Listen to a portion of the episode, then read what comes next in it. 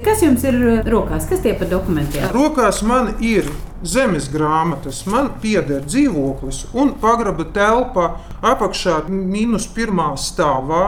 Uh, ir stāvvietas un pagraba telpas velo novietnes. Ar Kristīnu satiekos viņas dzīvoklī. Vārds un balss pēc intervējumās lūguma ir mainīts. Kristīna īpašumu iegādājās 2015. gadā un toreiz zemes grāmatā pieprasīja apliecību par īpašumiem. Gan par dzīvokli, gan par pagraba telpu, kas ir kopīpašums ar citiem šī nama iedzīvotājiem. Reku viņas ir katra uz vienas lapas.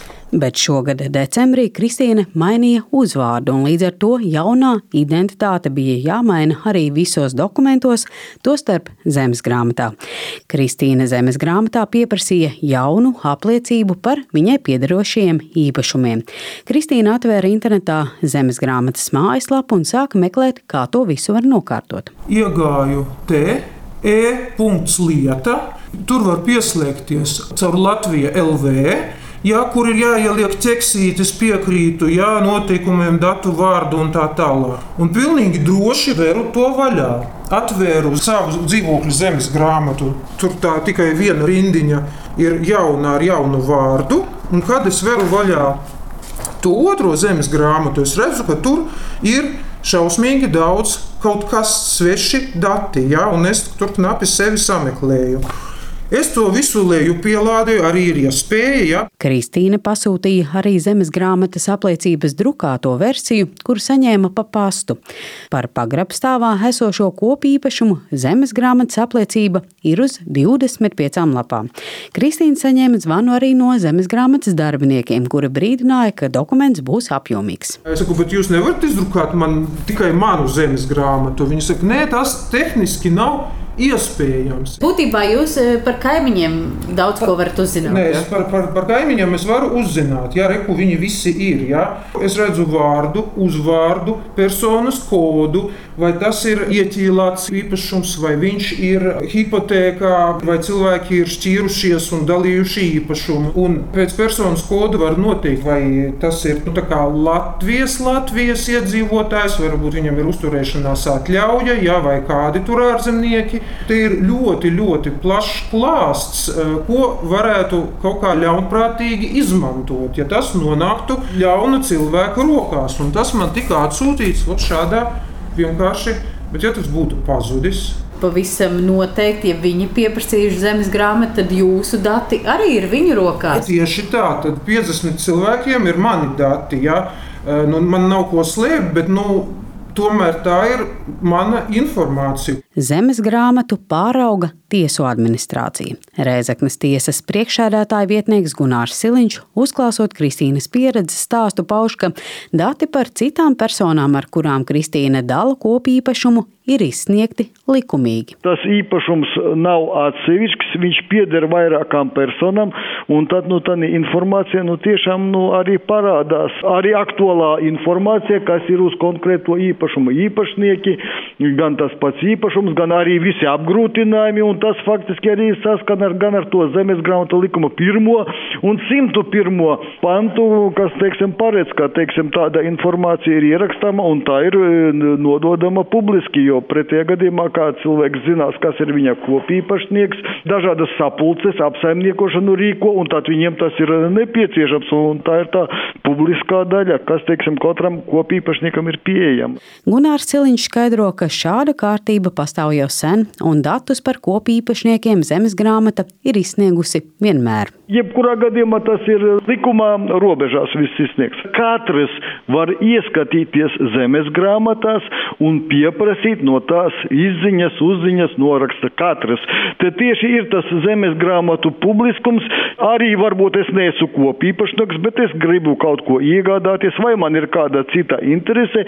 Es griežos attiecīgā ar iesniegumu, es eh, maksāju attiecīgu summu un saņemu informāciju par konkrētu īpašumu. Un tieši tā kā konkrētais cilvēks to dabūja. Vai pastāv iespēja, ka šos iegūtos datus, vārdu, uzvārdu, personas kodu un tā tālāk var izmantot ļaunprātīgi? Es teiksim, no savas nu, pieredzes, nu, jau būs 30 gadi strādājumi, ka kāds būtu pieprasījis nu, un izmantojis kaut ko nu, ļaunprātīgi. Tā, tas ir, kad jau teiksim, kāds strīds pieprasa, kad vajag piedzīt kādus parādus parādus vēl kaut kur, un tas tā tiešām tā informācija noder, teiksim, tādā ziņā. Tīri cilvēciski noteikti nebūtu saskāries ar to ikdienā. Es droši vien arī tā padomātu, kā, kāpēc tā. Koplietošana ir koplietošana, kas jau ietverta šeit nu, vārdā. Arī Datu valsts inspekcijas direktore Jekaterina Matsuka pauž, ka šajā gadījumā dati par trešajām personām, kas ir kopīpašnieki, ir izsniegti likumīgi. Datu regula neaizliedz datu apstrādi vai kaut kādu publicēšanu vai iekļaušanu kaut kur. Galvenais ir tas tiesiskais pamats, kāpēc tas tiek darīts. Un tam tiesiskam pamatam ir jābūt saskaņā ar datu regulu. Un attiecībā uz kopīpašuma zemes grāmatas datiem tiesiskais pamats datu apstrādei un publicēšanai ir. Zemes grāmata ir publiskais reģistrs. Zemes grāmatu publiskā reģistra mērķis ir informācijas par nekustamo īpašumu sniegšanu sabiedrībai.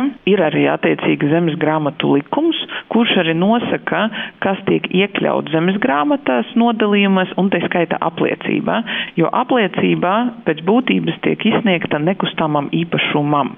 Ja jūs esat viens īpašnieks nekustamam īpašumam, piemēram, dzīvoklis, viņš ir reģistrēts kā atsevišķs nekustamais īpašums, viņam ir viens īpašnieks, jums arī tiek izsniegta apliecība, kur ir nekustama īpašuma adrese, kur ir jūs kā esat īpašnieks un arī īstenībā visi pārējie iepriekšēji īpašnieki, ja tur arī minēti. Jekaterina Matsuka pauž, ka iegūtie dati ir jāizmanto tiesiski, atbilstoši datu regulai un ir jābūt arī tiesiskam pamatam. Ja viņam ir tiesvedība, viņam ir tiesības to apliecību arī iesniegt tiesā, nu, lai pierādītu kaut kādus notikumus vai kādus faktus. Bet attiecību uz pretiesiski, nu, cilvēki spēj izdomāt, es pieņemu daudz ko, ko viņš var izdarīt pretiesiski, ja viņam ir kādi līdzekļi, nezinu, viņš var uzdoties par to cilvēku, varbūt kaut kur viņš var ierakstīt ierakstīt viņas personas kodu. Tagad gan e, tas ir mazāk izplatīts, bet kādreiz varēja arī paņemt mazos kredītus, ja jūs zinājāt cilvēku vārdu, uzvārdu, personas kodu. Tagad gan e, tas ir krietni ierobežots, jo jebkurā gadījumā, ja jūs ņemsiet mazo kredītu, jums būs jāsamaksā arī kaut kāda summa, un, un tas tādā veidā tiks pārbaudīts, ka jūs tomēr neesat jūs. Nu, šobrīd, eh, zinot vārdu, uzvārdu un personas kodu, nu, teiksim, nevar veikt kaut kādas darbības, kas nu, teiksim, radītu personai kaut kādas materiālas saistības. Jā. Informācijas tehnoloģiju drošības incidentu novēršanas institūcijas CERT.CLV drošības eksperts Gins Mākalnieks teica, ka agrāk šāda informācija tika izmantota, lai svešā vārdā izkrāptu naudu, nokārtojot ātros kredītus. Šobrīd tas vairs nav iespējams, jo datu datu pārbaudes sistēma ir ievērojami uzlabota. Šādu informāciju var lietot, lai teiksim, veiktu kaut kādus tā sauktos sociālās inženierijas uzbrukumus, kad cilvēkiem stādās priekšā kā kaut kāds bankas darbinieks vai kāds iestādes darbinieks un nosauc šo te informāciju par personu, tādā veidā iegūtu viņas uzticību un radītu kaut kādu eh, nu, ticamības momentu tam, kad zvans vīs un, piemēram, tālāk ievilinātu viņu kaut kādos eh, krāpnieciskos darījumos, piemēram, viltus investīcijās vai kaut kādos kriptovalūtu iegādas schēmās vai nu, citās dažādās krāpnieciskās darbībās. Jā, šī kombinācija vārds, uzvārds, personas kops, viņa pati par sevi nekādas tiesiskas sakas personai nedara, bet nu, uz viņu var atsaukties ar cerību, ka personai nu, šāda uzruna liksies ticamāka un viņa tiešām nu, piekritīs sarunai un iegūt kaut kādu uzticamības kredītu. Valsts policijā Latvijas radio noskaidroja, ka krāpšanas riski pastāv jebkurā dzīves situācijā, bet policijas praksē nav iezīmējusies šāda problemātika tieši ar zemes grāmatas datiem. Linda Zalāne, Latvijas radio.